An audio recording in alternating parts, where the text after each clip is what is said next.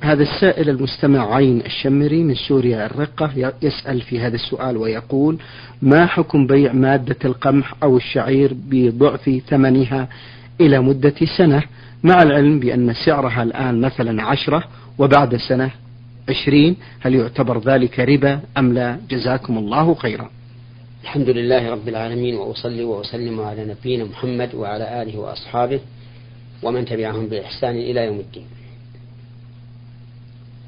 لا ريب أن الربا من كبائر الذنوب وأن الله توعد على فعله وعيدا لم يكن مثله في شيء من المعاصي التي دون الكفر كما قال ذلك شيخ الإسلام ابن تيمية رحمه الله.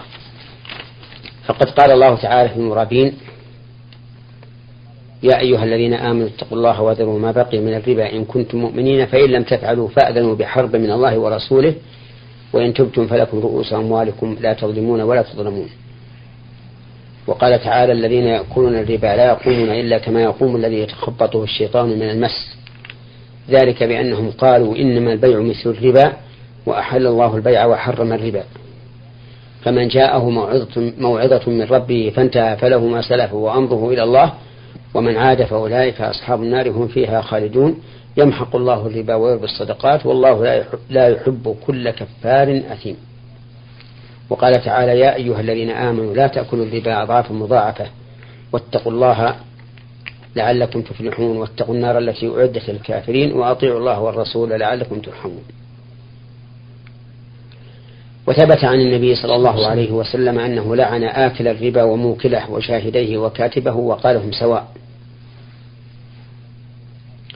ولكن يجب أن نعلم في أي شيء يكون الربا.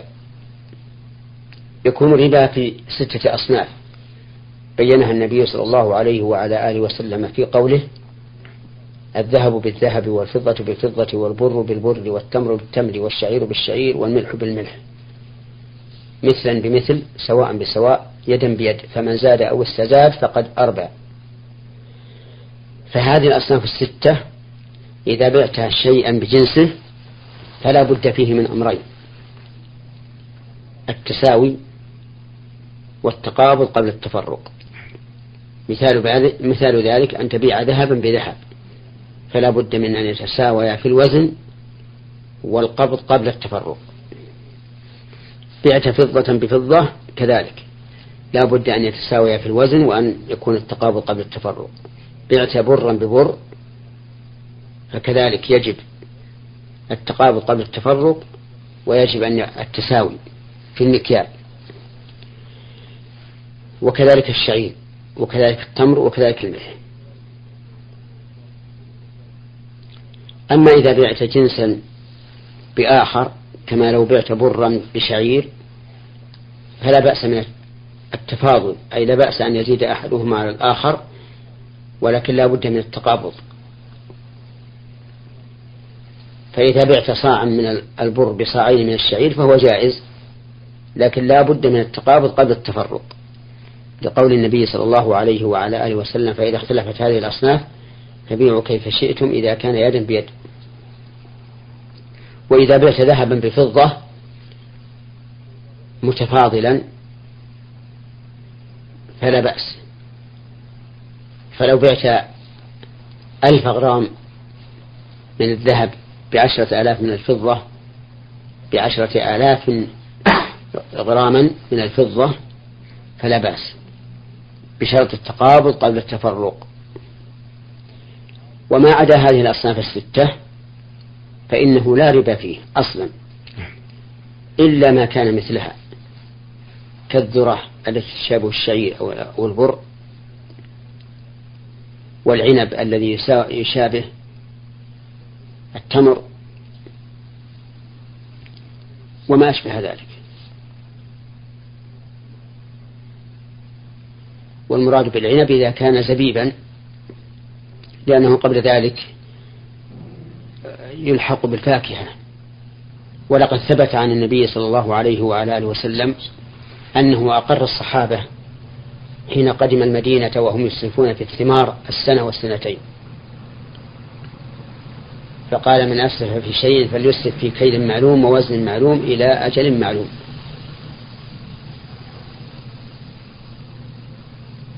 والإسلاف أن يقدم الثمن ويؤخر المبيع. مثل أن تعطي الفلاح ألف ريال بألفي كيلو من التمر بعد سنة. وبناء على ذلك يتبين الجواب على هذا السؤال وأنه لا حرج على الإنسان أن يبيع برا مؤجلا إلى سنة بدراهم نقدا كما كان الصحابة يفعلون ذلك في عهد الرسول صلى الله عليه وسلم وأقرهم عليه. نعم. جزاكم الله خيرا. السائل يقول أسأل عن الزوجة التي تصوم رمضان ولكنها لا تصلي وتعتذر بالأعمال المنزلية وتربية الأولاد علما بأنني آمرها بالصلاة عدة مرات وتعتذر عن ذلك. هل أقوم بتطليقها؟ إذا كانت لا تصوم إذا كانت تصوم ولا تصلي فأخبرها أن أنه لا صيام لها ولا صدقة لها. ولا حج لها ولا يحل لها أن تقدم مكة لأنها كافرة.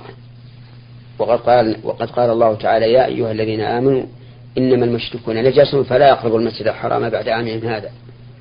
ولقوله صلى الله عليه وسلم ولقوله تبارك وتعالى وما منعهم أن تقبل منهم نفقاتهم إلا أنهم كفروا بالله وبرسوله ولا يأتون الصلاة إلا وهم كسالى ولا ينفقون إلا وهم كارهون.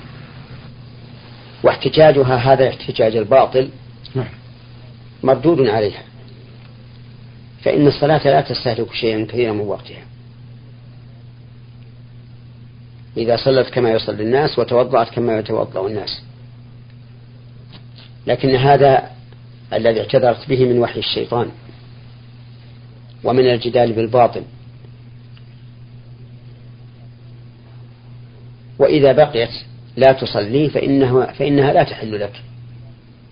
لأنها مرتدة كافرة. ولا يحل لك أن تستمتع منها بشيء. ويجب عليك أن تفارقها. وليس لها حضانة في أولادها. لأنه لا حضانة لكافر على مسلم. ولهذا بلغها ما أقول. لعل الله أن يفتح عليها فتعود إلى دينها. فإن أبت فلا خير لك فيها ولا يحل لك أن تستمتع بها كما أسلفنا. جزاكم الله خيرا. آه هذا السائل يقول سؤالي عن الذين يزورون قبور الشيوخ بقصد الشفاء من مرض معين أو لأجل إنجاب الأولاد ومثل ذلك وينحرون لهم الذبائح فما حكم هؤلاء؟ جزاكم الله خيرا. هؤلاء مشركون.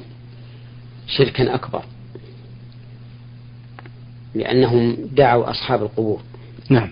واستغاثوا بهم واستنجدوا بهم. ورأوا أنهم يجلبون إليهم النفع ويدفعون عنهم الضرر. وكل هؤلاء نعم وينذرون لهم. وكل هذا من حقوق الله التي لا تصح لغيره. فعلى هؤلاء أن يتوبوا إلى الله عز وجل. وأن يرجعوا إلى توحيدهم وإخلاصهم. قبل أن يموتوا على هذا فيستحقوا ما أخبر الله به عن المشركين في قوله إنه من يشرك بالله فقد حرم الله عليه الجنة ومواه النار وما للظالمين من أنصار.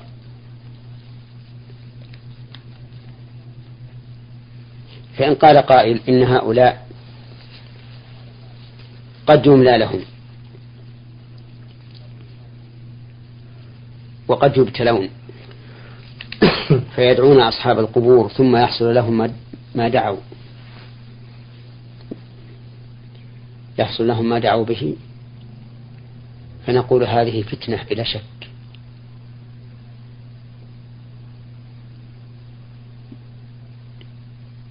والذي حصل لم يحصل بهؤلاء المقبورين وإنما حصل عندها دعائهم وليس بدعائهم.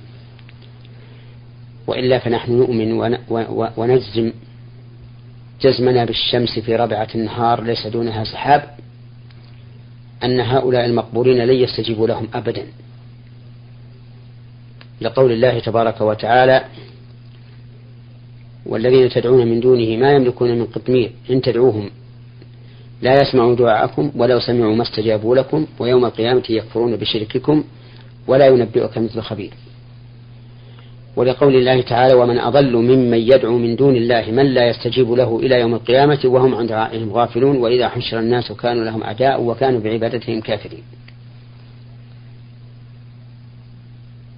فنصيحتي لهؤلاء أن يتقوا الله وأن يرجعوا إلى دين الله وتوحيد الله وأن يعلموا أن النبي صلى الله عليه وسلم قاتل المشركين واستباح دماءهم وأموالهم وذرياتهم من أجل شركهم. وهؤلاء شركهم من جنس شرك المشركين الذين قاتلهم النبي صلى الله عليه وسلم عليه على شركهم. نعم. جزاكم الله خيرا. شيخ محمد تكثر آه، مثل هذه الأسئلة متعلقة بالعقيدة فما الواجب على طلبة العلم والعلماء آه، في تصحيح المفاهيم؟ الواجب على أهل العلم من شيوخ وطلاب نعم. أن يبينوا للناس أن هذا منكر وشرك وأنه لا فائدة من هؤلاء الذين يدعونهم وأن الضرر والنفع كله بيد الله عز وجل وأن لا يخضعوا أعني العلماء وطلبة العلم للواقع بل الواجب أن يقوموا لله مثنى وفرادا وأن يعلموا أن ذلك لا يزيدهم هوانا وذلا بل لا يزيدهم إلا قوة وعزة.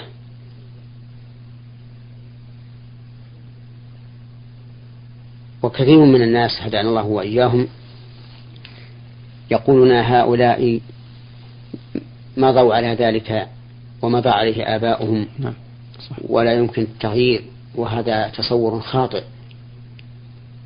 فإن هذا الذي حصل كالذي حصل من الأمم السابقة الذين أتتهم الرسل فمنهم من هدى الله ومنهم من حقت عليه الضلالة. فالواجب على إخواننا العلماء وطلبة العلم أن يتقوا الله تعالى ويقوموا بنشر دينه وتوحيده ثم إن اهتدى الخلق فهذا المطلوب وإن لم يهتدوا فقد أدوا ما عليهم وأبرأوا ذممهم. والهداية بيد الله عز وجل كما قال تعالى لرسوله محمد صلى الله عليه وسلم ليس عليك هداهم ولكن الله يهدي من يشاء. وقال له فإن تولوا فإنما عليك البلاغ المبين. نعم. جزاكم الله خيرا. هذا السائل يقول الذي يموت في بلاد بعيدة عن أهله وأقاربه ويدفن بتلك البلاد التي لا يوجد أقارب له فيها هل هذا يضره بشيء أم لا؟ هذا لا يضره بشيء. لأن الإنسان مهما كان دفنه في أي في أي أرض سوف يبعث يوم القيامة من مكانه. ولهذا لا ينبغي للميت أن يوصي قبل موته بأن يدفن في البلد الفلاني أو البلد الفلاني لما في ذلك من الإتعاب والإرهاق لأهله. ووصيته بهذا لا يلزم تنفيذها.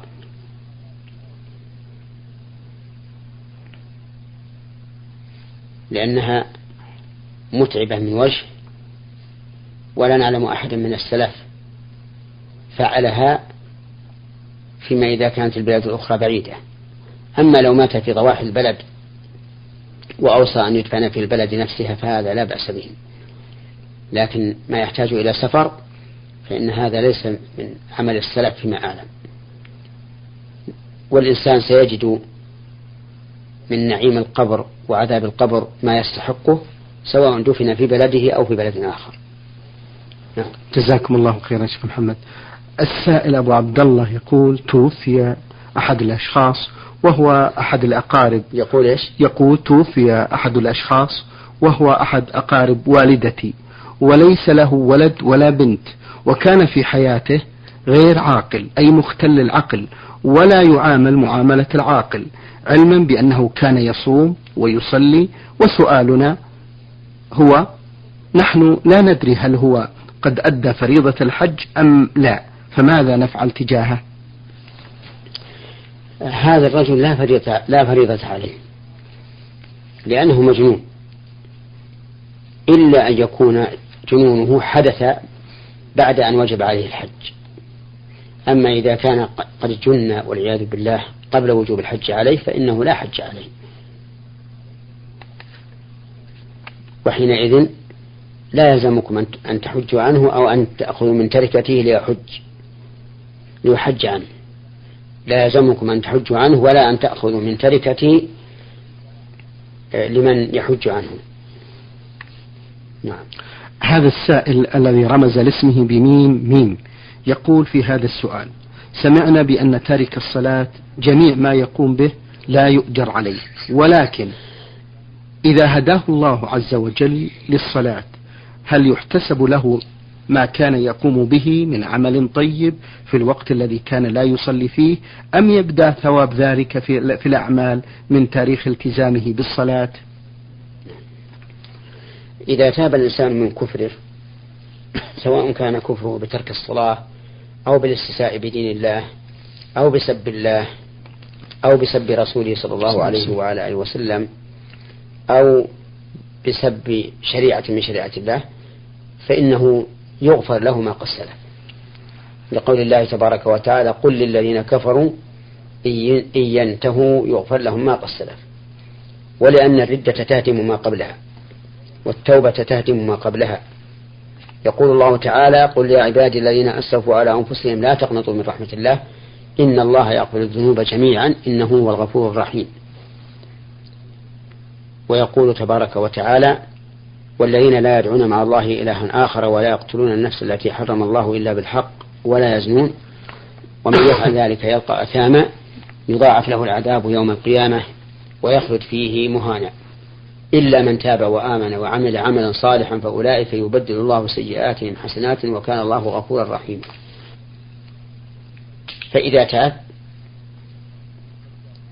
غفر الله له ما سبق من ذنبه وعاد إليه ما عمل من الأعمال الصالحة قبل ردته لأن الله تعالى اشترط في حبوط العمل في من ارتد أن يموت على الردة. فقال تعالى ومن يرتد, ومن يرتد منكم عن دينه فيموت وهو كافر فأولئك حبطت أعمالهم في الدنيا والآخرة وأولئك أصحاب النار هم فيها خالدون. بل إن ما عمله من خير حال ردته يكتب له لقول النبي صلى الله عليه وسلم أسلمت على ما أسلفت من خير. نعم. جزاكم الله خيرا. هذا السائل من تشاد منصور حسن له مجموعة من الأسئلة. يقول في السؤال الأول آه، عندنا بعض العادات وهي إذا توفي شخص من الأسرة يقوم الأهل أهل المرحوم بذبح بقرة, بقرة أو جمل أو عدد من الغنم ويقولون بأنها صدقة. هل هذا العمل صحيح؟ أفيدونا. جزاكم الله خيرا.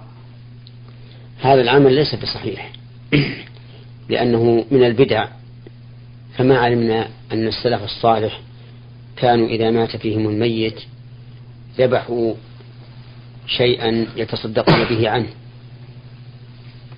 لكن الصدقة عن الميت جائزة لا في حين موته لأنها إذا اتخذت سنة في حين الموت صارت بدعة. وخير من الصدقة للميت أن يدعو الإنسان له. لقول النبي صلى الله عليه وعلى آله وسلم إذا مات الإنسان انقطع عمله إلا من ثلاث صدقة جارية أو علم ينتفع به أو ولد صالح يدعو له. ولم يقل أو ولد صالح يتصدق له أو يصلي له أو يصوم له مع أن سياق الحديث في العمل. فدل ذلك أنه على أنه ليس من المشروع أن الإنسان يعمل عملا للميت. من نفسه. ولو كان مشروعا لأرشد إليه النبي صلى الله عليه وعلى آله وسلم إما بقوله وإما بحثه على ذلك. فلما لم يقل فلما لم يكن هذا علم أنه ليس بمشروع لكنه ليس بممنوع. وهناك مرتبة بين بين المشروع والممنوع وهي الجائز. ولهذا لما استفتى سعد بن عبادة النبي صلى الله عليه وسلم في مخرافه أي في بستان له في المدينة أن يتصدق به عن أمه أذن له. ولما جاءه رجل يقول إن أمي افتلست نفسها وأظنها لو تكلمت لتصدقت أفأتصدق عنها؟ قال نعم. فهذه فتاوي نعم. وليست سنة عامة أطلقها النبي عليه الصلاة والسلام للأمة. وقال أيها الناس تصدقوا عن موتاكم فهو خير أو صلوا عنه فهو خير أو صوموا عنه فهو خير. فلما لم يرد عنه مثل ذلك علم أن هذا ليس بسنة ولكنه ليس بممنوع. نعم. جزاكم الله خيرا. يقول السائل في سؤاله الثاني نحن في البادية عند قدوم شهر رمضان المبارك لم نصم إلا عندما نرى الهلال والمدن تصوم قبلنا بيومين. هل هذا صحيح وما نقوم به صحيح؟ وجهونا مأجورين. الإنسان الذي يكون في بادية يتبع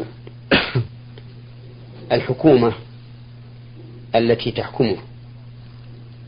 فإذا صام الناس صام.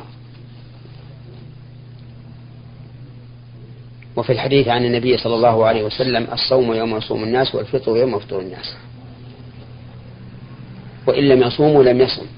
وإن لم يصم الناس لم يصوموا. أي أهل البادية نعم لو فرض أنهم رأوا الهلال وثبتت رؤيته عندهم وهم بعيدون عن المدن التي يكون فيها حكم الدولة فلا حرج عليهم في هذا الحال أن أن يصوموا. بل قال العلماء أنه في هذه الحال يجب عليهم أن يصوموا لأنهم لا يعت... لأنهم لا... لا لأنه لا يكون في عملهم هذا مخالفة للجماعة. نعم لأنهم لا يكون في عملهم هذا مخالفة للجماعة. وخلاصة القول أن نقول إن أهل البادية يتبعون حكام البلد الذين هم الذي هم فيه. فإن لم يتمكنوا من العلم بذلك كما لو كانوا ليس عندهم إذاعات أو ما أشبه هذا ورأوهم وثبت عندهم ذلك فلا فلا حرج عليهم أن يصوموا. جزاكم الله خيرا. بل يجب عليهم أن يصوموا. نعم. بارك الله فيكم شيخ محمد. آه يقول في سؤاله الأخير آه عند العيد أثناء الصلاة يحضرن النساء لصلاة العيد خلف الرجال مع أن مكان الصلاة ليس جامع وإنما أرض مكشوفة. هل يجوز لهن الصلاة خلف الجماعة؟ نعم يجوز لهن ذلك. بل إن صلاة العيد خاصة يندب لها خروج النساء. فقد أمر النبي صلى الله عليه وسلم أن يخرج النساء في صلاة العيد حتى الحيض وذوات الخدور. والعواتق إلا أن الحيض يعتزلن المصلى. ولا حرج عليهن أن يقفن وراء وراء الرجال بدون حاجز. لكن يجب عليهن تغطية الوجوه لأن المرأة لا يحل لها كشف وجهها عند الرجال سوى محارمها وزوجها. نعم. جزاكم الله خيرا. هذا سائل للبرنامج يقول في هذا السؤال صالح من العراق محافظة واسط يقول هل يجوز قضاء صلاة المغرب في وقت الصبح أو المغرب أو المغرب في العصر؟ آه، ثبت عن النبي صلى الله عليه وعلى آله وسلم أنه قال من نام عن صلاة أو نسيها فليصليها إذا ذكرها. فإذا نام عن الصلاة واستيقظ صلاها في أي في أي وقت يستيقظ ومن نسيها صلاها في أو في أي وقت ذكر ذلك. لكن لا يحل له أن يؤخرها أي الصلاة عن وقتها بدون عذر. فإن فعل وأخرها عن وقتها بدون عذر وصلاها فإنها لا تقبل منه ولو صلى ألف مرة. وكذلك في النوم يجب على الإنسان أن يحتاط عند نومه وأن يعمل ما يكون به استيقاظه من ساعة منبهة أو الإيصاء إلى أحد من من أهل البيت أو من خارج البيت يوقظه للصلاة. ولا يجوز أن يتهاون كما يفعل بعض الناس. ينام وهو يعرف أنه لن يقوم إلا بعد طلوع الشمس ولكنه لا يهتم بهذا فإن ذلك منكر ولا يجوز. والإنسان لو كان له عمل دنيوي يحين عند طلوع الفجر لرأيته يراقب النجوم متى يطلع الفجر حتى يذهب إلى شغله. نعم. جزاكم الله خيرا فضيلة الشيخ. السائل يقول إننا نرى إذا أقبل شهر رمضان المبارك نرى البعض من الناس يتهيئون إلى الصلاة حتى يصومون شهر رمضان وإذا انقضى رمضان نراهم يتركون الصلاة ولا يصلون إلا في شهر رمضان ويعللون ذلك ويقولون نحن نصلي في هذا الشهر حتى يقبل صومنا. هل يقبل منهم مثل هذا الصيام؟ وهل تقبل الصلاة في هذا الشهر مع العلم بأنهم لا يقضون ما فاتهم من صلاة؟ أفيدونا أفادكم الله. أما إذا كانوا يفعلون ذلك معتقدين أنه لا صلاة واجبة إلا في رمضان فهؤلاء كفار. كفر اعتقاد. كفرا مخرجا عن الملة. لأن من أنكر وجوب شيء من الصلوات الخمس وهو في بلاد المسلمين فإنه يكون كافرا. لأن الأمة كلها مجمعة على وجوب الصلوات الخمس. فلا عذر لأحد في تركها لتأويل أو غير تأويل. وأما إذا كان فعلهم هذا ليس عن اعتقاد أي أنهم يعتقدون وجوب الصلوات الخمس لكن يتهاونون بها ولا يفعلون ذلك إلا في رمضان فأنا أتوقف في كفر هؤلاء. نعم. جزاكم الله خيرا. آه نختم هذا اللقاء بهذا السؤال من السائل أحمد آه سين من الدمام يقول لدي خال وخالة آه يحصل بينهم مشاكل مع والدتي التي التي تحب الخير له. لهما وهما كثيرا ما يتكلمون على والدتي ويسبونها ولأن والدتي لا تحب قطيعة الرحم فهي ترغب في صلتهم إلا أنهم لا يريدون لا يريدون مقابلتها والتحدث معها علما بأن خالي قاطع لوالدي أكثر من سبع سنوات فما رأيكم شيخ محمد وماذا تعمل والدتي؟ وجزاكم الله خيرا. الواجب على والدتك أن تصل هؤلاء الأقارب القاطعين. لأن النبي صلى الله عليه وعلى آله وسلم قال ليس الواصل بالمكافئ. يعني ليس الواصل الذي يصل من وصله وإنما الواصل الذي إذا قطعت رحمه وصلها. فهي إذا وصلتهم إذا واصلتهم وهم يقاطعونها فلها الأجر على صلتها. ولها الأجر على الصبر على مقاطعتهم. ولها الأجر على الصبر على ما يتفبهون به عليها من السب وغيره. فلتمضي في صلتها ولتحتسب الأجر من الله تعالى على ما يحصل من هؤلاء من أقاربها من أذية. شكر الله لكم يا فضيلة الشيخ وبارك الله فيكم وفي علمكم ونفع بكم المسلمين. أيها